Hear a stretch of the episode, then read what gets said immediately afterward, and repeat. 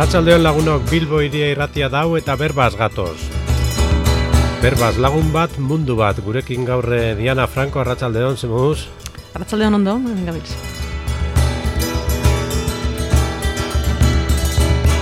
Itaunak, erantzunak, itaun gehiago urrengotarako izaten da gure plana, ibil eragin dugu, ibili gara Bilbo zehar pixka bat, e, zertaz hitzekin pentsetako eta, eta ona Bilbo iria irratira etorri gara, ordu bete inguru daukagu solaserako, berbaz Bilbo iria irratia.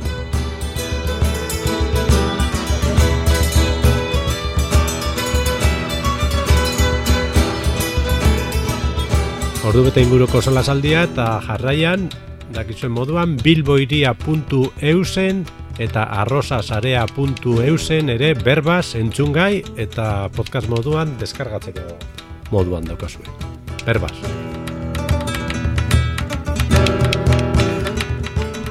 Diana, aurkeztu zaitugu, esan diguzu kaizo, eta galdetuko dizugu orain, ba, zein dan Diana Franco edo zuri buruzko zerbait kontatzeko.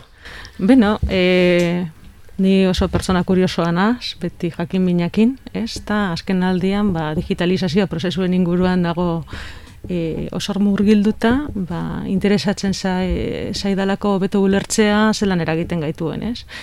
Eta zentsu hortan, ba, gaur egun e, jarduten hasen gauzetan, e, horren inguruak biratzen e, dabie. E, adibidez, e, aurtengo... Digitalizazio prozesua, esan duzu. Bai, Da, zelan definitzen dugu hori? Edo zer da zuretzat? Zer Bai. gauza guztiek subjetividade asko. asko dekote, hori, bai, bai, bai, benetan, ni nahi saiatzen nahi nazbe bai ulertzen, eh? E, askotan esaten ulertzen da, edo esaten da digitalizazioa, ez? Hmm. Zo zer, e, zero bat, ez? Zo zer binarioa baliz bezala. Dago Hmm. edo ez dago, ez? Baina nik ulertzen dut prozesu bat bezala, ez? E, ereiten juten dan gauza bat bezala. Hmm. Eta e, ereiten den moruaren arabera gauza batzuk e, bideratuko dituena edo beste batzuk. Bai? Onura e, gehiago e, batzuentzat Bai. edo onura gehiago gehienontzat. Hmm. Orduan, e, horregatik prozesu bat bezala eta e, nun e, eskua sartu dezakegun prozesu bat bezala ulertzen dut. Ez Mhm. eginda dagoen gauza bat bezala. Hmm. Horregatik beti nik e, beti dut digitalizazio prozesu. Hmm. Gauza bizi bat da, eta, bat. eta guk badukagu eragitea. Hori da. Begiratzea zer eragin dakarren, eta gu bai hori Hori moldatzea, da. ez? Eta ez zai gustatzen digitalizazioa holan sozera maitutzat bezala e, asaltzen e, dutenok. Ze, Hmm. ze uste dut oraindik egiteko asko dekogula eta gauz momentu polit batean horera egiteko. Eta zer dakar, eh, digitalizazioa ezten dugu bai, ulertu dugu prozesu bizia dala eta eragin dezakegu, baina zer da bera digitalizazio prozesua, zer da? Bueno, digitalizazioa prozesua e, orain dela berrogei bat urte hasi zan e, gauza bat da, e, olako linea, denbora linea bat e, sortzen badugu, ba, elektronikaren e, zenbait e, berrikuntza, txipa, e, eta e, silizioa semikonduktoreak eta abar, e, sustatu zuten informazioa gordea izatea, e, gero e, sareak, e, ordenagailuen arteko, bueno, ordenagailuak sortu zure ziren, konputadoreak, eniak eta abar, eta e, pizkanaka pizkanaka e, e, sareak zientzerako junziren e, osatzen da pasarea eta bar.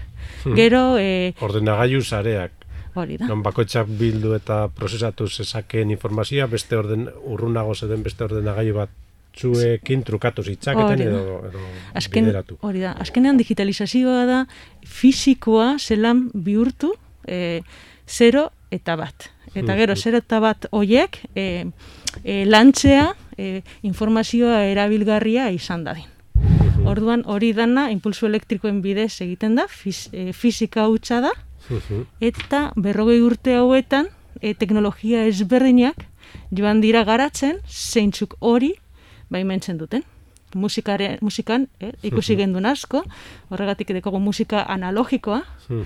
soinuaren fisika, e, diskoaren fisikarekin, osea, zurkoekin oso txertatua zegoen e, lehen e, e, LP-ekin eta abar, viniloekin, eta gero e, e, soinuaren fisikoa elektronikoa bihurtu bihurtu eginda, eta hor dekogu ba, MP, MP iruak eta abar. Bai, digitalizatu eginda, soinu fisikoa, eta bihurtu dugu e, zero eta bateak. Orain gauz maila batean, zeinetan, e, digitalki sortu dezakegun bebai. eta dena junalda fiziko digitalera eta digitaletik fizikora. bai? Hor dau, eremu, e, garatzen ari dan, eremu horretan. Ordan, errealitate horretan, non, fizikoatik digitalera junal garen, eta digitaleritik e, fizikora, ba, irudimena, ba, estanda egiten da, ez? Hmm. Eta askoren irudimena, estanda egiten da, eta zenbat hmm. gauza egin ditzazkegon. Hmm. Eta lehen, Barkatu diena, bai. leheneten dotzut eta prozesu horretan, eh, ari ginela ez dakite urratz garrantzitsu gehiago dauden aipatzeko, aipatu dugu ba informazioa ordenagaiotan gordetzeko gaitasuna bai ordenagailuekin ba ez dakit bueno, ba, lehenagotik ere bazetaren, bai. baina zabalago ba marka daietan ero sareak ordenagailu sareak ere aipatu dituzu eta ba, gero ez dakit e, bilakara bai. horretako urrengo urratsak e, bai, e, aipagarrienak Bai, mm. ba, bilakara horretan buruz ez dakidaz, baina gutxi gora bera, ba, bai. internet protokoloak, e, e, e, www e, protokoloa, World Wide Web, eta e, e-maila, eta e, azkenengo amabos garren, amabos urteetan e, sortu da, digitalizazio prozesurako errevoluziorik handiena e, iz, e, erlazioa duela odeiarekin. Odeiaren kontzeptuarekin. Odeiaren kontzeptua e, dana e, oso interesgarria da ulertzeko gaur egun dekogun eskenatokia. e, orain, odeia sortu arte, odeiaren kontzeptua sortu arte, e, ordena gailuak, bai, e, sareak sortzen zituzten sare banatuak. Baina odeiarekin, e, sarea, e, eren ideia desagertzen juten da, eta zerbitzari granjen edo zerbitzari e, e, erraldoi eta e, batuen ideia hasten da garatzen. Bai? Eta hor, hor egiten dana da poterea kontzentratu. Gutxi batzuk dekote konputazio e, ahalmena, eta beste guztiak batzen gara euren ahalmenara. Mhm. Orduan, odeia pentsatu behar, pentsatzen dugunean, ez dugu pentsatu behar sosereterioan. Pentsatu behar dugu makina erraldoi asko batuta dauden nabe industrial batzuetan. Aha. Bai? Hori be, kontsumo aldetik supusatzen duena, ba, imaginatu, ez? Orduan, eh, azken eh, amaboste urtetan, diozunez, eh, ordenagailoak elkarri kablen bitartez eta oinen bitartez eta elkarri lotuta egon ordez e, gehiago e, zentralizatutako ba, esan dozu e, granja edo e, zera bai, zerbitzari, zerbitzari bai. granja batzuetan tik igortzen zaigu informazioa eta bertara igortzen dugu. Hori da. Lehen e, paren sareak geneuzkan, ez? Bai. Non e, pertsona ezberdinen artean, bai, banatzen genituen genuen informazioa eta gero eta nodo gehiago egon sarean, sare indartsuagoak ziren. Baina orain kontzentrazioa oso handia da. Aha. Bai? Bestea desagertzen ere da, sarea desagertzen. E, ez, baina, baina kontzentrazioa, osea, e, kontzentrazio, osea, kontzentrazio hori baimentzen ari duena, dala, e, ekonomi eredu berri batzuk, hmm. bai, indartzen ari dira. Orduan, e, hori da ondo ulertu behar duguna. Segure bizitza guztia, e, e, granja hoien baitan e, e, emoten ari da nola bait. Gure bizitza digitala guzti. E, lehen ulertu dizugunez, prozesu bizia da eta gu badagula eragite mhm. horretan, Eta orain entzuten dizugu odeia zentralizatutako granja, zerbitzari granja, hoi euskau alde batetik, baina eraberean sarea bizirik dago ondino. Bai. E, guk geuk ematen diogu indarra bati edo besteari zer erabiltzen dugun eta nola erabiltzen dugun, hori ulertzen dugu? Hori, primeran ulertu duzu. Eh? Nibe, esan beharra dekot, eh, nasela jakimina duen pertsona. Bai, ez nasela duzu, kurioso, dena, oso ezagarri interesgarri, hasiera, dena hasiera. a- aditua ez nasela, mm. eh? Eta horregatik, ba, seguramente gazaporen pasartzen dut. Bai. Baina hori da, hori, hori da ideia. Ideia da, nori emon nahi diogo indarra. Boterea kontzentratzen dutenei eta horrekin zergatik nahi dute boterea kontzentratu ze aurkitu dute negozio bide bat. Vale? Gero hitz egin dezakegu horretaz. Hmm. Edo e, ekonomia, beste modatako ekonomia sustatzen duten e, sare, ez, e, partekatuei. Orduan, hori hori da apurtzu bat orain jokuan dagoena. Eta hori, e, herrien subiranotasuna,rekin be bai zer ikusi asko deko. Mhm. Osea, zer egiten dutzu subiranoa? Non, no, non geratzen da e, ezagutza? Mhm. Gure sareak sortuz, ez, e, jak, jakin dakigu, zer, e, zer gauzen egiten. Mhm. E, odeietara, beste multinazional batzuen odeietara bilduz, erabiltzailutza gara. Eta Mhm. hor estrategia kontu geopolitiko kontu asko daude. Ah, eta dana kontzientziatik hasten da, eta zenbat eta jende gehiago jabe izan, zer gertatzen ari dan, eta Hori da. nola eragiten dion, eta norberak Claro. nola eragin dezaken, Claro. Ez- hori alde batera claro, bestera joan daiteke. Claro. Gauza da, ez, gure bizitza orokorrean, e, ez dugula e, ondo ulertzen, ez da erraza, Mhm. e, zein dan ezberdintasuna. Mhm. Ez? Adibidez, e, zuk izotzen duzu ordenagailu, bai? E, ze, sa, eta jende asko esatzen dau dispositibo bat, ez dala ordenagailu bat, erabiltzaile hutsak garenean, ez? Esatzen duzu ordenagailua. Sartzen zarenean e, Google bezalako plataforma baten zerbitzuetara, zure e, jarduerak estatu betuetan e, izaten ari da. Asa- Izaten ari dira. Ez dira Mhm, izaten e, mhm. Euskal Herrian, adibidez. Bai? Hau da, zure datuak zeinekin komunikatzen ari diren, ba, han estatu Zu kom, konputazio guztia, osea, Bai.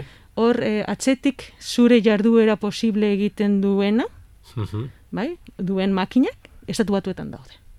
Mhm. gehien bat. Bai? Orduan, zer esan nahi du hori? Ba, zure jarduera, zure jardueran arrastroa, estatu batuen legeen menpe dagoela. Mhm. Bai? Zure ezagutza hor geratzen dela. Nora, zer dakigu e, horri guztiaz? Dakigu oso gutxi kontatu nahi digutena. Mhm. Bai? Eurak e, legea betetzen dute? Bai. Baina gertatzen dana da, ez, ez legeak ez guk, ez dugula ulertzen eurek egiten duten guztia.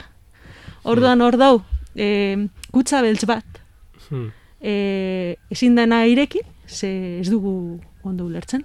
Adibidez, e, patata poltsa bat fabrikatzeko badakigu prozesua. Patata hartu, garbitu, ez dakizan ez dakizan bat, eh?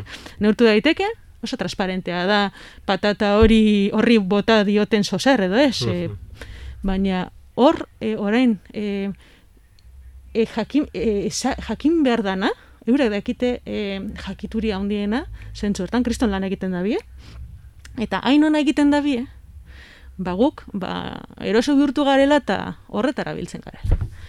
Hori da purtsu bat, ez? Esan diguzunez, hau batez ere azken amabost urteetan e, jauzi hau gertatzen ari da, eta jauzirik handiena dala, aipatu dozu azken e, ba, e, digitalizazio prozesu honetan. Bai, E, orain orain asko entzuten dana edo, edo horre bizi-bizi dagoen prozesua eta etorkizunerako ba, indartsua dana da adimen artifizialarena. Oneri lotuta dago, e, bai. bai. Beno, adimen artifiziala, e, adimen artifizialaz hitz egiten dugunean, ulertu behar duguna da, e, eta hori orain dela mar bat, e, 2000 eta ah, mazoi, bost, sei urte, hasi zan e, errevoluzio bat hor, izan zala e, zare neuronalak. Mhm. E, adimen artifiziala e, da suposto bat edo e, nun e, makinak e, e, kontzientzia edo pentsatzeko gaitasuna dekon. bai? Baina e, asko daude. Ez?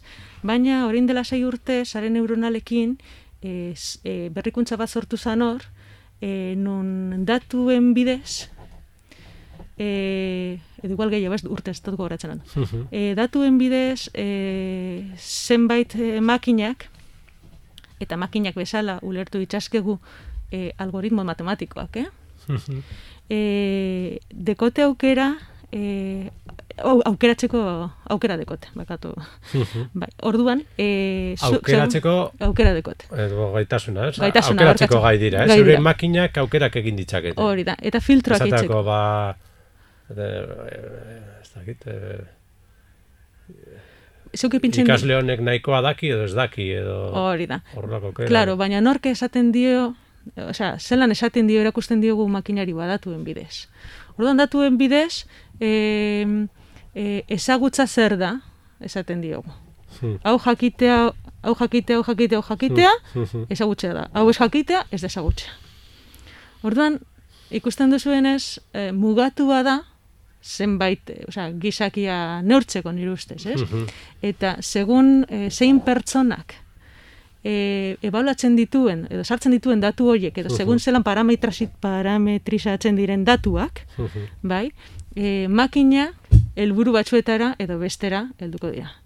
E, kontzientzia nahiko dago, gai hauet, honetan zehar, tekerlari asko daude hortik, baina e, eta zentzu hortan e, gero eta datu gehien eta gero eta dibertsuen sartzen saiatzen dira, bai?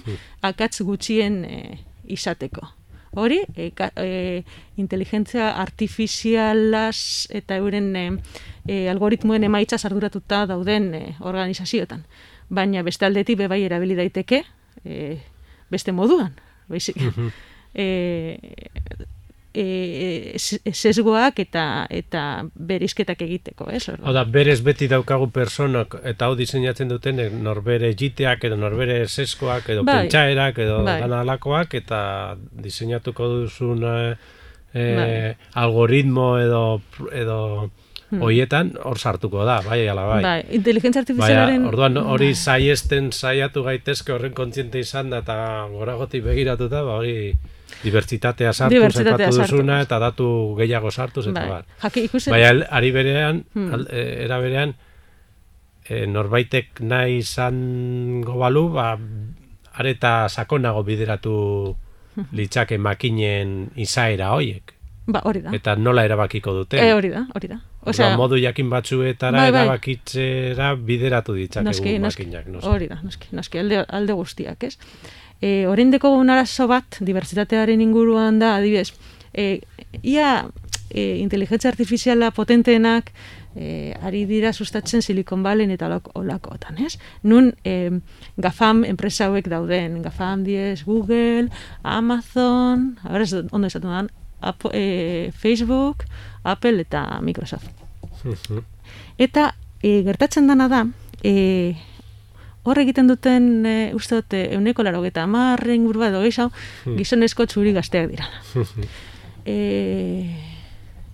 emakumezko, bueno, emakumezkoak e, zera eremu horretan gutxiago dira. Euneko laro eta amar. Edo, hmm. bai, laro, hmm. laro eta nazko, deko da sortik datuak. Hmm. Eta, e, adibidez, e, e, iparra, o sea, ego, e, ego Amerikatik datozen guztiak, adibidez, uste dut, e, e, representatzen dutela, e, naizet gizoneskoak naiz e, emakumezkoak izan, bai. eguneko zeia edo. Hmm. Olako bat, ez? E, hor da, e, artikulu bat, e, e, e, estatu batuetako kontratazio enpresa batena, e, nun esaten zaben, e, e, kontratatzaileentzat zat, e, zegoela paradigma bat, osea, latinoak ulertzen zituel, zituztela alferrak bezala. Ordan hor piba sesgo daude, gizakiak sesgoak ditugu, diskriminatzen dugu, gure aukerak ditugu. Eta horiek, horiek trasladatzen ditugu teknologietara. Horregatik beti, hor, em, e, egon bida e, teknologian fiskalizazio bat. Baina oso zaila da egitea, bai, ez badugu ulertzen ondo atzetik dagoen. Eta nik uste dut hor dakogula gaur, egun horregatik ba, aukera polita horre intziditzeko eta hori ulertzeko. Adibidez, e, Europar batasunatik badaude pilo bat e, horretan e, e, indarra itzen, bai? Baina nik ez deko eta inargi bakarrik e, impostua jas, gehiago jasotzeko den, edo eta benetan e, aldaketak e, sustatzeko. Mm -hmm. Ez deko oso argi, baina bueno. Hau da nire e, tartaren saltia izatu. Europati diosuari direla hori aztertzen eta eta, bai. eta bideratu edo egokitu nahian, izanez, Hmm. Aipatu dituzune enpresa guzti horre, Google, Amazon, e, Facebook, Apple, Microsoft, estatu bat dira. Bai e, Europa oso menpe ger, geratzen da, hor? Bai, bai, Eta bai. beste, antza, beste txinaldean ere ba, onben dira, ba, beste bai, e, enpresa indartsuak edo oso mm-hmm. garatuak kontu mm-hmm. hauetan, mm baina Europa oso kanpo geratzen da, ez? Bai, oso kanpo. E... Juridiko ki ondo aztertu behar luke eta, eta ondo... Babesteko. Babesteko eta bai. autonomia bur bat izateko. Bai, baina babes, babestea hori da, eta zubira notasuna e, sustatzeko, ez? E, orain dela aste bat irakurri nabe 2008 bosteko Espainiako plan digitala. Et, 2008 bost, ez Bai. Hmm. Eta nik hor ulertu nuena, ze igual beste bat irakurtzen bau beste goza bat ulertzen dago. E, izan zan, ge, e, ardura gehiago dagoela, e, horre legislatzea, baina e, hango enpresei jarduera e, mugatze, mugatzeko ba, baino, bere tartaren satia izateko. Zergen bitartez eta epatu bai, duzulen, ez? Bai, e, Espainia olako e, e, kanal bat bihurtu, datuen bai. kanal bat bihurtu, baina hor, e, aduana bat izango balitz bezala, bai. ez? E, datuak pasatzen dira bai, baina hemen itzi zure, zure partea. Orduan, horrek dana, suposatzen duena, oza, irakurketa horrena da, oso boteritzu bat direla enpresa hauek, hmm. ez? Zaila dala, e, e, eurei aurre egitea bere euren e, e egiteko moduekin, ez? Hmm. Eta e, beste modu batera batean pentsatu behar dagoela. Hmm. Osea, ezin, ezin, osea, ez, hau ez da, e, beste Google bat sartzea Europan edo beste Facebook, hori ez da gauza. Gauza da, zelan landu beste modu batean, ez? Adibidez, e, sare sozialak badaude alternatiboak, e, e, adibidez e, Mastodon, hmm. e, eta barrez, eta hor jende asko asko da bil, ez? Hmm. E, baina hori da ulertu behar duguna. Zelan e, garatu, e, gure jarduetara e, e, egokitzen diren alternatibak berdina e, ez egiten bilatuz. Ja. E, adibidez, eskuntzan, eskuntza zo ere mu interesgarria hmm. E, da, hmm. bai, esploratzeko, esperimentatzeko, ikasteko, ez? Hmm. eta ikusteko, estrategia ezberdinak ikusteko. E, eskuntzan, zu aita bezala beba ikusiko zendun, e, ba, gure hezkuntza sisteman e, eskolak egiten dutela ja dana, ez? Eskolaren arabera dago zein teknologia erabil eta bar izango dituzte laguntzak edo, hmm. baina erabakiak eskolak hartzen dituzte. Hmm. Eta eskoletan dekote arazo bat, dela, ez dekotela teknikorik, osea, ez dekotela e, sistemak mantenduko duen pertsonarik. Hmm. Orduan, e, alde batetik gizartearen presioa dekozu, ez? e, zelan ez duzu erabiltzen e, teknologiak, ez da gizera, ez da bat, e, aurrak e, et, e, ikusten ari duten munduan, eskolaz kanpo beste bat da, eskola horregon beharko litzateke, bai? Zezan nahi duzu, eskolaz kanpo ikusten duten mundua beste bat da? Adibidez, e, imaginatu, e, aurrak, e, danak dekote mobila, hmm. danak komunikatzen dira beste modu batean, Wikipedia erabili desakete ikasteko, edo hmm. YouTube, edo dena hmm. delakoa, hmm. e igual dauz ikusten fisika kuantika bideo bat, eta e, eskolan asaltzen dieten, osea, beste, abiadura ezberdina daude, eta hori eskolan presio bat, abe, bai. Gero, bai, e, e, gurasoekin komunikatzeko, eta konturatu dira eskola... Dana dela dena, e, galdetuko izut E, badite mundu zabal bat, jakintza eta ezagutza Bai, mundu zabal bai. bat eskura eta aipatu Mm. duzun ba, e, ez dakiz gai zehatzen inguruan, ba, Ba, astronomiaren ba, ikasten ba. egon ziteken. Hori badago, Bai, eta horrek eskura daukate gailua, horrek gehien epilo bat.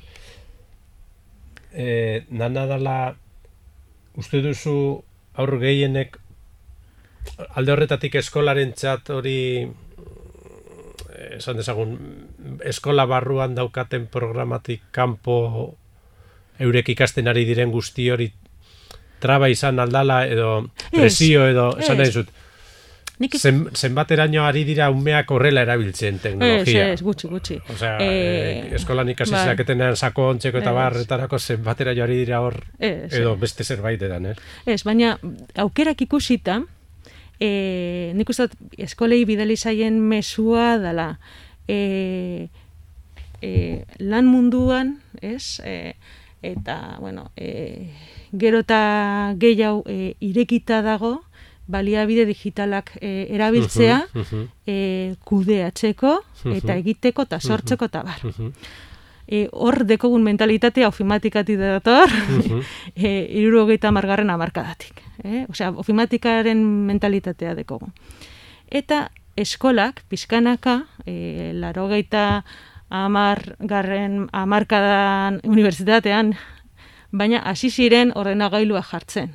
Bai? Mhm. e, ik- ikusten zalako e, garai hartan informatika, bai? Osea, e, ordenagailu baten programatzea eta zelan funtsatzen duen da bar, ulertzea e, interesgarria zala, baina hori pizkanaka bihurtu da ofimatika. Mhm. Eta e, mundu digitaleak, digitaleak e, baimentzen duena da, osea, odeiak, hobeto da ezagun, ze mundu Mhm. digitala oso zabala da, Mhm. baimentzen dauena da, e, nola bait, e, e, ordenagailu horik izateko, behar zuten mantenimendua, behar zuten e, zerbitzaria informazioa jasotzeko, gordetzeko eta abar, Mhm. e, erritik entzea. Presio horretaz ari naz. Bai? Orduan, eskolak nahi baldin badute, bai? sistema propio bat izan, aukera osoa dekote gaur egon, esfortzu handirik gabe, Aha, da multinazional batera jo, Google. aha. Doainik eskaintzen die dana. Bai? Doainik eskaintzen die gordetzeko lekua, orduan zerbitzari aurrezten dute. Doainik ez orkesten die e, e, sistema bat, Classroom Days izenekoa, bai? Hor, e, e, apur, sistema, si- sistematizatzeko e, e, eskuntza prozesua. E, aditu askoak esaten dute oso txarra dela, baina Ah, hor eskaintzen die. E, doainik eskaintzen die telekonferentziak eta bar egiteko aukera. Aha. Zergatik e, pandemia garaian eskolak euren kabuz erantzun dute. Ez da eskuntza zailaren e, erantzun e, koordinatua esan, egon. Eskolak erantzun dute. Ez Ba- dugu ezagutzen zelan garatu dan hori. bai? Hori, bai, ba, e, gure eskolan mintzatu lan izan da. Eskolak asmatu dute zelan. Ba, baseukatelako e, Googleen sistema implantatuta kasu askotan. Orduan, eta beste batzuk babildu dira. Orduan, zein da, zer esan nahi naben dena, honekin danakin ba. Eskuntzan deko guela oso ere mu interesgarria hau dan aztertzeko. Ikusten dugu, zeintzu dira, e, e, inteligentzia artifizialak erabiltzen dituen, estatu batuetan dagoen, multinazional baten, e, interesa Euskal Herriko eskoletan sartzeko. Zein, duz, zein duzu dela? Eh, asko entzuten dena da datuak, datu, datu Zer- zer- metatuak edo... Hori da. Zergati dekote interesa. Ba, e, esfortzu guzti hau, bai, e, deko zergina datu agregatuak izatean. Datu akumulatu ugari izatea, ba, nola bait, e, aurrikusia izateko e, gizarte horien jokabideak. Mhm. Eurak saldu izateko, guk ulertzen ez ditugun algoritmo eta inteligentzia artifizialekin, eh? Mhm. Eta ez dakik zenak, fiskalizatu ezin ditugunak. Eura dakite. Mhm. E, baina hori da gure susmoa. Eta e, hoiek danak e, marketing eta horretara e, bideratzen diren enpresei saltzeko. Eurak, euren e, e, eurak egiten dutena da beste algoritmo batzuekin, ba, merkatuak bideratuta bar. Hori da purtsu bat atzetik dagoena. bai. Diana Franco berbaz gabiz, eta hortze e, etentxoa ingo dugu orain, e, kanta Bai. bat entzuteko, oso puntu interesgarrian utzi dugu kontua, hezkuntza ba, eremu interesgarria oso, eta hor gertatzen ari dan, ba, larri marra, esango nuke nik, esaten diguzenen arabera, eta badugula orain aukera horrera egiteko. Bai, Eta horretaz e, hitz egiten jarraituko dugu, pixka bat e, kantua entzun eta gero. Diana Franco gaz berbaz Bilboiri irratian.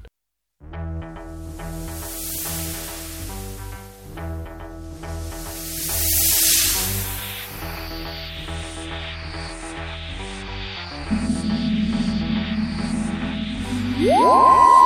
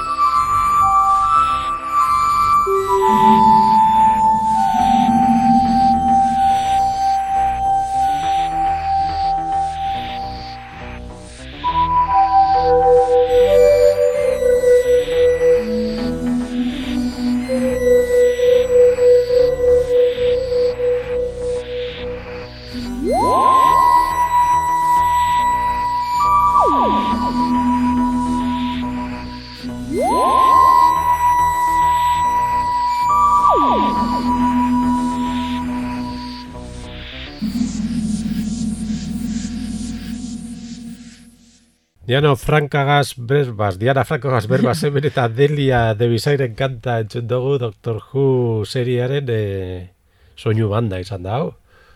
E, Delia de Bizair oso persona berezia, ez da? Bai, e, bar, bitzu, digitalizazioan pentsatzen e, nengoenean, ez, esan, e, malkarrizketan, e, aukeratzeko esan zenidanean, honek e, samplerrak egiten zituen. E, matematikalaria zan, eta bera esan kontsideratzen musikalaria. Orduan, em, e, soinuaren sintetizazioan, hau da, e, elektro, aparailu elektronikoekin, osea, korronte elektrikoa mol, mol, moldatuz, soinua egiten e, duten e, e, pertsonak, e, horretan da biltza, ba hau antzindaria izan zen, soinuaren sintetizazioan. Ah, sintetizazioan aitzindaria bera Delia de Bizair. Diana Gazberba zibili gara eta oso gai potoloa eta zabala da, baina nolai kokatu gara eta zentratu gaitezen e, alternatibetan, ez da? Bai, E, bai. digitalizazio prozesua ari gara, prozesu da. bizia da, prozesu honetan e, e, alde interesgarri asko daude eta alde ilun asko, interes Bai. handiak dauzkate ba, e, azteko ba, enpresa handi batzuek, enpresa kapitalista handi batzuek, Hmm. non gainera aipatu dugun e, gafan ospetsu horietan Google, Amazon, Facebook, eh, Apple eta Hmm. Microsoft enpresa hundienetakoa dira, eta hien artean euneko laro eta marra edo, ba, gizonezko gazte zuri, estereotipo, bueno, eh, molde horretako jendea dabil, eta zeurazki buruetan are gehiago, esango dugu hori. Beraz, hortik zer datorren badakigu, eh, ezagutzen du, gainera beste puntu bat dago, oso gauza e, adiktiboak edo, edo lotzaileak e, izate zau gure autonomia zertzeko tresnak dira, baina bebai badakite zelan e, Bai. horre diseinatu, ba, jendearen e, erabilpena areta handiagoa izan, eta hori askok ikusi izan dugu inguruan. Bueno, Baitu alde tresgarriak, arriskoa bebai, eta guk alternatiba eta zitzegin nahi dugu, ba, zelan mundu horretan, e, eta prozesu horretan, e, ba, modu interesgarriago baten bizi eta Hori da. erabili, da? Hori da. Eta eskuntzatik hasi gaitezen, ari ginenez, eskuntzan ere librezale, badago e, talde bat, eus, e, hemen Euskal Herrian, e, Mhm. eta hor partaide zara, eta hor, hor ze gauzak e, pentsatu ikasi dituzuen konta iguzu meze. Bai. Bueno, e, eskuntzan librezale e, taldireki bat da. E, ez gara inongo instituziorik, ez dugu inongo forma juridikorik, irakasle, e, guraso eta e, teknologiaren ondin orakoen inguruan pentsatu eta partekatu nahi dugun pertsona ezberdinak gara. Bakarrik hori. Orduan zentzu hortan e, egiten duguna e, da bildu telegram eta e, matrix e, erabiliz, bueno, e, e, olako e, kanal batzuk ditugu partekatzeko eta bestalde ba e, bai e, telekonferentziak eta egiten ditugu ba euren artean bapurtxo bat egunean jartzeko. E, e, ustaiean egin genituen e, itzaldi batzuk, dauz e, e, geure web horrian e, eskegita, oso interesgarriak. Mhm. E, nik hitz egin dudanaz, hobeto hitz egiten duten pertsona batzuekin, eta e, nik komendatzen Zein ditzuet. da zuen webgunea? E, e, e, eskuntzanlibresale.eus. Aha. Eta han daude ikusteko moduan e, ustailan izandako jardunaldietako itzaldi pilo bat eta diozunez ba, gai hauetaz asko dakien jende askok berba egin zuenan. Bai. Eta hor, Eskuntzanlibresale.eus. Bai. Eskuntza libre sale, bebai beste, osea, hor, eragile oso potentea da e, libresale taldea. Libresale taldea, e, e, gehiago, zerekin gehiaudeko hizkuntza berarekin, euskararekin. Eurak e, diez beste talde bat, e, ari direnak e, e, euskaratzen ahal duten software guztia. Eta hemen alternatibetara sartuko naz. Zeren eta zergatik ahal dute euskaratu. Bakarrik euskaratu esakete, askea dena, librea dena. Zeren eta kodea partekatuta dago.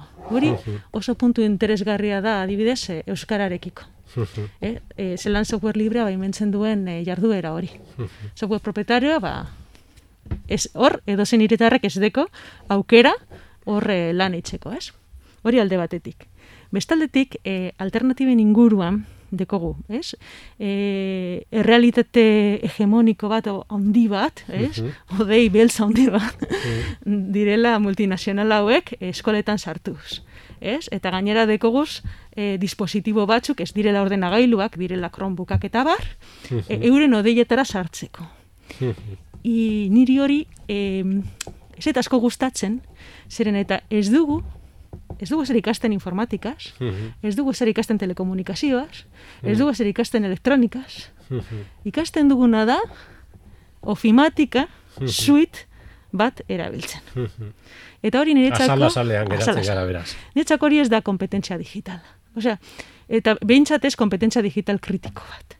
Osea, uste dut e, gaur egungo mundua, errealitatea ulertzeko, osea, hori asaldu behar zaie aurrei bai, odei bat dagoela, enpresa buena dela, enpresa hauek estatu batuetan dagoela, euren heltzen garela kable submarino batzuen bidez, baina erakutsi behar zaie ere bai, zelan sortu zure odeia?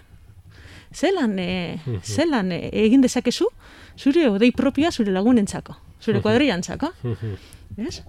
Orduan, edo zure eskolantzako.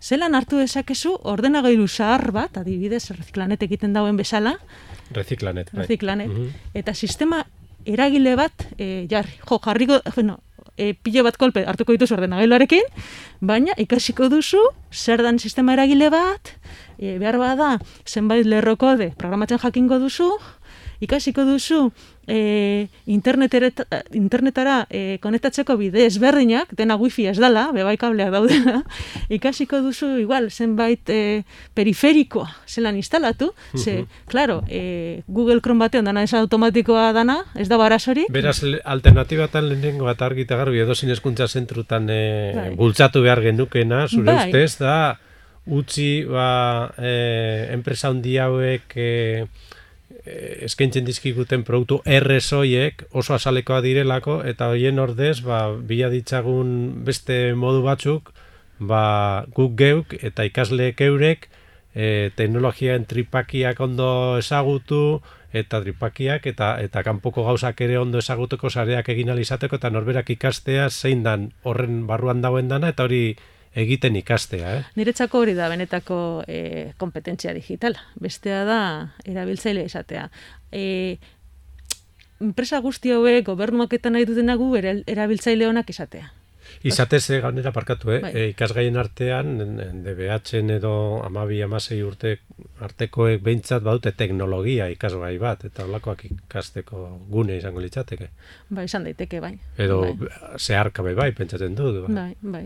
Nik uste dut, bai, e, gaur egun gainera, e, Eusko Jorraritzatik, eskuntza saiatik bideratzen ari da STEAM e, delakoa, mm. e, Science, Technology, Arts, Mathematics, Engineering, mm. aldre esan dut, baina hori gauza da, e, izan daitekela aukera ederra e, pentsamendu kritikoa sustatzeko teknologiarekiko. Mm Eta bakarrik erabiltzen duen herria izatea, baizik eta jakindakien herria izatea, nik uste mm. dut, hor oso eremu interesgarria deko gula lantzeko. E, nik ulertzen dut guztiz e, eskolen e, e, egiteko modua, eroso, erosoa da, eh, Googleekin eh, lan eginda ez dute behar teknikorik, eh, ez dute behar antivirusik, ez dute behar zerbitzaririk, hmm. dana funtzionatzen dau. Batzutan eh, aktualizazioaren bat dago, baina bakarrik bintzen da. Eta bakarrik behar duzu erabiltzaile bat eta kontrasina bat eta mundu hori dekozu, puntu pelata. Jasta. Eta espezializatzen dira eskolak eh, odeietan dauden aplikazioetan e, programatu odeian, ez dakiz odeian, musika osartu odeian, eta lokalean ez da zer egiten. Baina horrek egiten dauena bakarrik da e, erabiltzaile izaten ikastea. Orduan, em, norbaitek diseinatu dituen plataformen, era, e, er, plataformetan sortzen dugu. Baina ez gara gai, gure baliabide propioak sortzeko, eta eurekin lan egiteko. Hori da, ezberdintasuna nire Eta lehen aipatu zuen beste alde horrekin, eh, mm. ark era eh, diseinatu edo ark giltza daukan odei horretan gabiltza, baina gure jakintza, gure datu eta gure Hori da, garatzen da beste leku batean. Haren esku usten dugu. Hori bai. da. Eta hori jakintza oso interesgarria da. E, zeren eta e, gure jakintza, osea, segun zein mailatan zaude, baina hmm. enpresa bat basara, eta zure jakintza guztia estatu batuetako zerbitzarietan jartzen baduzu eta ez dakiz zein eh, teknologia basoz garatzen eta hor badago hmm. ba. Balioko bat, bai. Hori da. Hor, eta e, asko petxatu barik horrela funtzionatzen dugu, ez? Ba, bueno, bueno. Hmm. bueno, lehenengo alternatiba berazuk esan dozuna da, e, RSR sartzen ari zaizkigun eta erabilterreza diren. Zeintzu dira zehazki, Google plataforma Chromebook aipatu duzu. Eskolarekin e, e, Horre baster batera ustea, mm, eta... Bai, osea, hori, osea, baster batera ustea, alba da, osea, izango litzateke panacea bat, ze, saia mm, da. Da. eta baster batera ustea suposatzen duena da, e, eskolak sistema barik garitza. Zer ez dekote e, lagunduko dion teknikaririk. Osea, ez deko pertsona bat, ze, ikaslea dezin da duen. Bestelako sistema bat egin ziteken, baina bai. hor egun behar litzateke asko dakien norbait horri eusteko eta... Bai, edo infrastruktura e, partekatu bat eraiki horren inguruan. Baina, klaro, hori behar dau e, gobernuaren e, e, sustatzea. Bai? Apostu indartzu Apostu. eta argi bati egitea gobernuak, ba, instituto guztietako egitura autonoma bat bai. eratzeko. Gaur egun Eh, egon barkatu, badaude, eh? Larrun aldizkarian irakurri Bai. dugu, duela Bai. hilabete bat, zeu ere elkarrizketan zinen beste kide batzuekin, basan lanbide eskuntzako zentru bat Claro, tolosaldean, bai. Lanbide hezkuntzako, bai, ari ziren eh, Bai. benetan hemen gauza alternatibo bat Ga- eh, hori da. egiten, ez da? bai. Nik... eh, Zein da hori zentrua, tolosakoa edo? Bai, tolosakoa. Tolosako lanbide Bai. ikertuko dugu. Larruna aldizkarian Bai. eh, iraileko alean agertzen da. Bai. Horre, esaten zutena, dut honetatik, da, lanbide heziketa zentrua dekotela independentzia gehiago. E, oso interesgarri esan zen elkarrezketa, ze ba, berritzegune bateko pertsona batekin, eta ba, lanbide pertsona batekin ba, partekatutzeko aurkera izan eban, ez? Eta badirudi, e, eurak e, aukeratzeko aukera, osea, autonomia finanziarioa bai, dekote. Hmm. Eta eurak erabakitu dute, euren e, jakituria gordetzea eurak. Eta hori da euren balioa. Eta hortik hasita ez, pentsatu dute. Osea, eurak kontzeptu batetik hasi dira, ez teknologiatik. Osea, zer behar dugu, zer nahi dugu, gure ezagutza, babestea. Eta gure ezagutza babesteko, zein teknologiak behar ditugu, gure ezagutza kudiatzeko orduan. Eta pentsatu dute, ba, e, Googleen teknologiak ez, ze gure ezagutza egongo da euren zerbitzarietan Mhm. behar dugu geure zerbitzariak. Bai? Bestalde, ikasketa handia da. Bai? Zeren eta horrekin juten dira ikasten. Ezagutza be bai, sortzen. Bai? Ze egiten ez duzuna ez duzu ikasten. Osea, beste batek egiten badizu, ez duzu ikasten. Eta hori da purtsu bat e, ideia.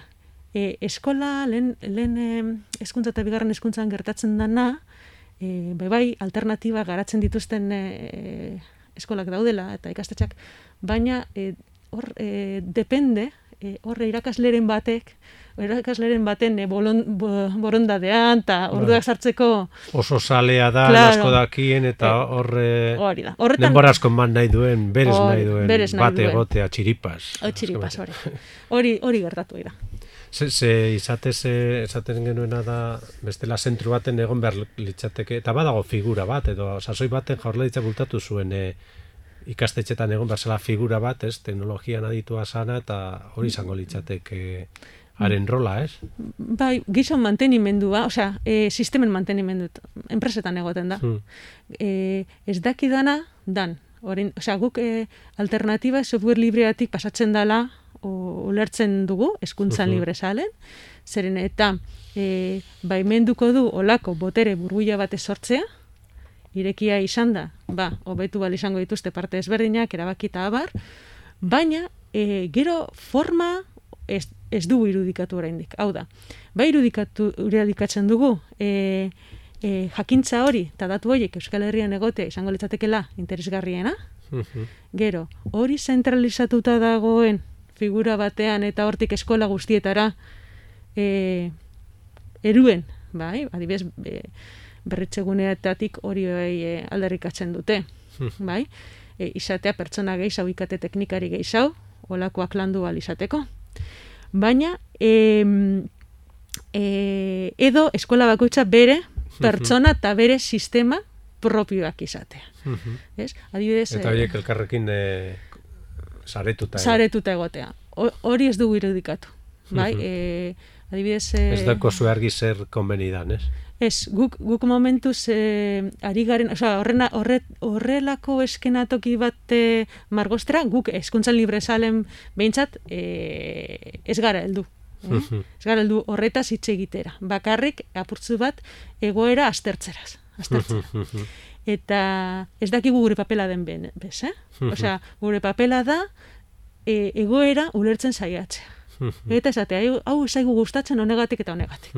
Gero, igual, e, ja, egin behar dutenak egin desatela, ez? Eta guk e, esango diegu, hau zaigu gustatzen honegatik eta honegatik, ez? E, egotea, ba, e, horronduan bezala, ba, ikusteko zer da, zertan dabiltzan, baina ez e, egiteko, ez? Mm. Ez gara aldu horretan. Labur izan da izan ziteken ez gustatzen e, menpeko bihurtzen gaituelako Bai. eta buru jabe izan nahi dugu Hori da. Eta beste bai ba, oso azaleko ezagutzan geratzen gara ez dugu sakontzen e, e, erabiltzen ari garen gailu guztien e, Et, Bai, bai. barruki buruz eta eta beraz horrek ere menpekoago bihurtzen gaitu ez, ez gara gai guk sortzeko, ez da? Hori da, hori da purtsu bat ideia, hori da. Osea, que e, niretzat eh, ez da estrategia ona, da estrategia arriskutsua. Hmm. Osea, e, ez, ez jakitea benetan e, teknologiaz gaur egun, osea, ez ulertzea erabiltzen dituzun e, gauzak, e, lehen, Hmm. u, lehen ulertu, gen, ulertzen genituen gehiago, ze instalatu behar genuen genituen driverrak eta Hmm. zan, e, ez erosoagoa prozesu guztia. Hmm. Ez? Hmm. Baina eros, ez erosotasun horretan ikasten genuen. Ikasten genuen, ja. Gaur e, dana hain erosoa da, ez dugula ezer ikasten, ez dugula asko ulertzen, baina funtzionatzen da. Hmm. Orduan horrek e, horri arrisku, arriskua da, arriskutsua da. Alternatiba daude, bai? Gauza da, zelan ordenatu alternatibak, zelan e, eraiki, e, bertakoa den e, beste egiteko modu bat. Irakasle bateri berbaz, Mhm. eh, aipatu de- deiegu zen alternatiba batzuk, ze Aha. behar badazuk ezagutzen duzu normalean ze tresna erabiltzen ari diren, Mhm. Eta hori ordez zein dauden, ba, lasai, ze askotan gehienok jakin bezdakigu ezer horretaz, eh, zer dagoen, ze kalte izan ditzaken, eta ze alternatiba den, baina badaude alternatiba, ez da? Bai, bitxu. E, adibidez, e, imaginatu e, Google, erabiltzen, zertarako erabiltzen duzu, ez? Nabigatzailea, bai. e-mailak, nabigatzaileak, e, igual Google Agiri Classroom, partekatuak egiteko askoren Google Drive, hori da. Orduan behar duzu odeiatxo bat, Bai. bai? Orduan, e, odeiak e, eraikitzeko, gaur egun daue olako sistema bat ditzen dela Nextcloud, bai? Mhm. E, horrekin egin dezakezu zure e, odeia. Bai, beharko zenuke, hori da, software alti, infrastruktura txiki bat. Mhm. E, zerbitzari bezala funtzionatuko lukeen ordenagailu bat. Bai? Gero, e, sistema eragile bezala ordenagailuetan instalatzeko, erabili dezakezu Linux. Adibidez, Euskal Herrian dekogu e, e, e, Alexa Bilondo, bai? dala bertseguneko partaide bat, e, bera luberri sistema euskaraz egin dauela. Linux Linux part, e, e, partizio bat, osea Linux e, sistema eragilea, Bai. baina e, guztiz euskaratuta eta bere iritsiz eta partekatuz Mm. e, zenbait irakaslekin e, ikaslentzat interesgarriak izan aldiren e, programekin. Mhm. Osea, adibidez, editatzeko LibreOffice. Oso iturako pertsona gara, eta oin oitu gara, e, Google Officeen e, Google Docs eta abarre Mm. erabiltzen. Lehen, genukan, baina, antzekoak dira oso. Bai? Mhm.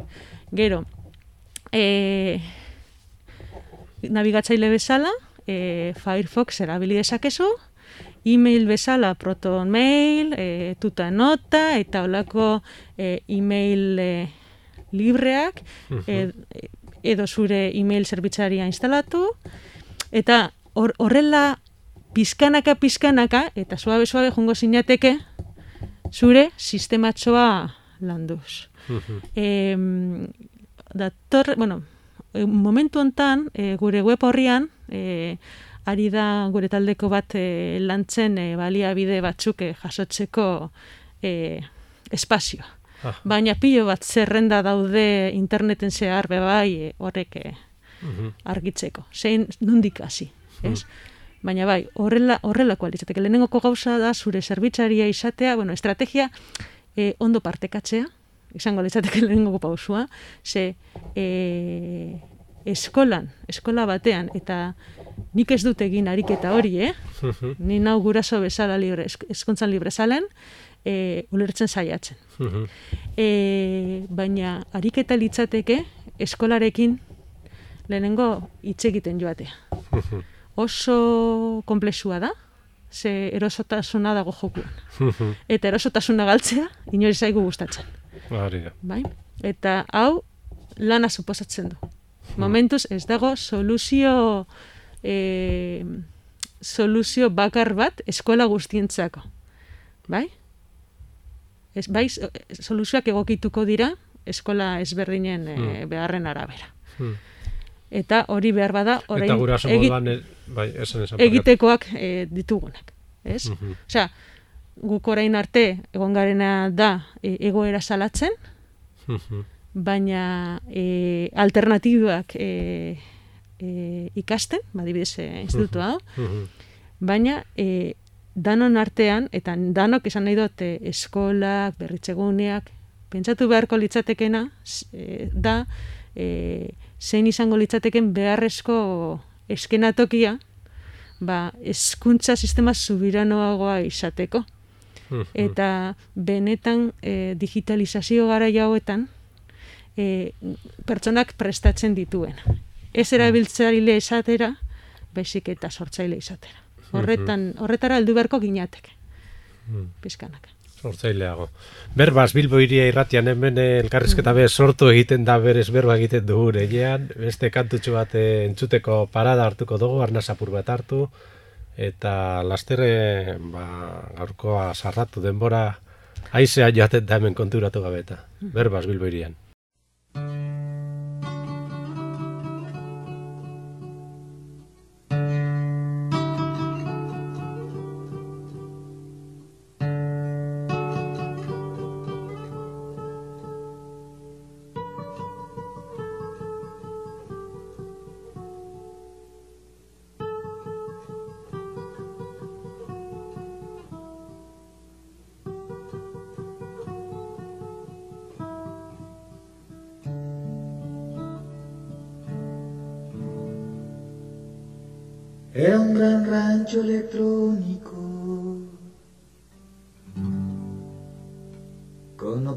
automáticos,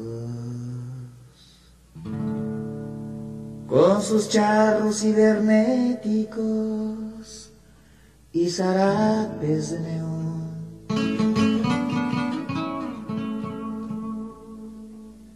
Era un gran pueblo magnético con Marías ciclotrónicas, traga fuegos supersónicos y su campesino sideral.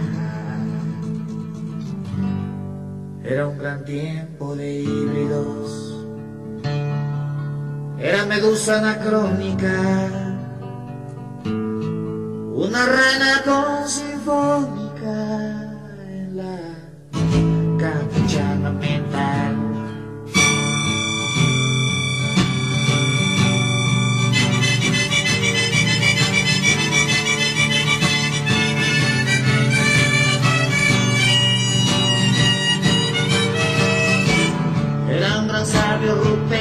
rupéstrico de un universo doméstico. Pitecantropos atómico era líder universal. Había frijoles poéticos y también garbanzos matemáticos en los pueblos esqueléticos con sus guías de pedernal. Era un tiempo de híbridos, de salvajes y científicos panzones que estaban físicos en la campechana mental, en la vil penetración cultural, en la gandalla transnacional, en lo oportuno norteño imperial, en la despachatez empresarial, en el despiporre intelectual, en la vulgar falta de identidad.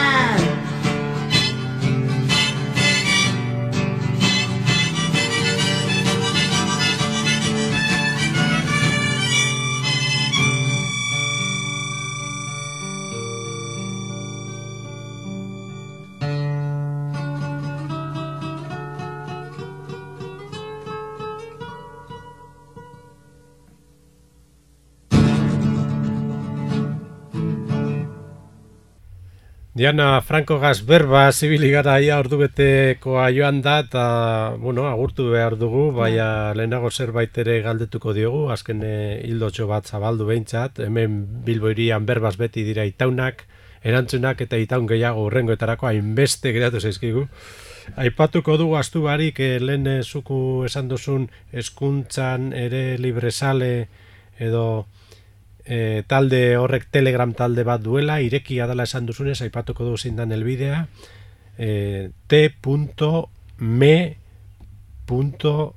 es Barra? zuk esako dozu beto t.me barra Barra, eskuntzan, libre. libre. t.me barra eskuntzan libre. Hori da euren telegram taldea, irekia dagoena, irun da piko lagun mm, ari dira kezka honekin, zuk dinosun moduan, e, guk ez dugu hau egoera hain konplezu eta haundi hau aldatuko behar bada, baina bai ari gara ulertzen saiatzen e, eta honetan eragin nahian eta ikasten duguna da dauzkagun kezkak eta galderak partekatzen e, horren bitartez denboraekin kontzientzia aldatuko dalakoan eta eta hau dana mm, era komenigarriko batean bideratuko dugun dugulakoan. Hori da, hori da. Eta adibidez, e, bueno, e, ni zelan bildu nintzen honetara. Ni bildu nintzen honetara, zeren eta e, eskolatik mezutxo bat et- e, heldu zitzaidan papeltxo batean, hau da, zure alabaren e-maila, sartu zite, zaitez e-mailen e, gurekin harremanetan jartzeko. Hmm. Eta nire atentzioa ditu ostan, zelan eskola publiko batean, Google enpresaren e-mail bat erabiltzen zan. Hmm. Eta hortik hasi nintzen arakatzen. E, behar bada, e, esango dizute, erosi Chromebook bak. Eta e, zuri horrek alarmaren bat pizten dizu, ez? Hau, hau kroka krola edo Hori horren publizitatea edo hori emongo baliete han, Hori eh, da. eh, Ez- institutoan edateko egunera, Hori ez? da. Holako zerbait da. Hori da, zer, bai, bai, analogia hori asko erabiltzen dugu janariaren analogia, ez? Eskolako jantokian McDonald'sen eh, janaria barik, nahiago dugula bertan sukaldatzea, ez? Bai. Ba, sukaldatu ditzagun eh, bai, gure teknologia. Azken galderatxu bat eh, Hmm. Diana, eh, guztia gaude digitalizazio prozesu honetan ah, sartuago ez hainbeste Hmm. baina danok gaude jota, ukututa eta eta guztiok eragin aldugu honetan. Hmm. Orduan eh, eskuntzaz ari garela edo era berean herri osoari begira bebai herritarrak ba, gurasoak pentsa Mm. dezagun, ez? Gurasoak hemen erdigunean daude eta eta gure eguneroko bizitzan nola erabiltzen ari garen teknologia nagusiki eta ze alternatiba dauzkagun. Horren inguruko izpiren bat emango bazenigu edo Mhm. Beno, eh, azkenean guk eh, gurasok eh, irakasleak bezala eh, gure bizitza erosoago egin nahi dugu eta eh, nik uste dut eh, saiatu behar garela bebai esfortzu egin behar dugula. Eh? E, pentsat, osea, e, janarian arduratzen garen bezala eta egunero janari prekozinatu ez dieguna, ez diegun ez emoten gure seme alabei, Mm, ba, a, arduratu behar gara pizkanaka eta ez da erresa, ze. mm, gauz asko dira erabiltzen dugun teknologiaz. Zeren eta azkenean e, guk ez badugu ondo ulertzen e, e, gure seme alabei pasatuko diegu e, mm, e, egiteko modu berdina, hau da, egokitzea dagoenari. mm, Eta nik uste dut e, aukera dagoela eta asko e, geure alternatiba propioak e, sortzeko. Eta ez da hain zaila. E, ni pizkanaka ari naiz e, bai e, nire Googleeko dependentzia e, baztertzen eta alternatiba bilatzen lehengoko pausua e-mailak entzea. mm, E, Gmail e-mailak entzea, mm. e, nik Astiro, astiro, hori be prozesu bat. da. prozesu bada. Ze hor bizi gara, hor Hori da. Bizi. Hori da. Eta juten zara, garbitzen garbitzen pizkanaka, pizkanaka. Gero sare sozialak pentsatu, ez? Zertarako erabiltzen dut, zenbat denbora pas- pasatzen dut, ez?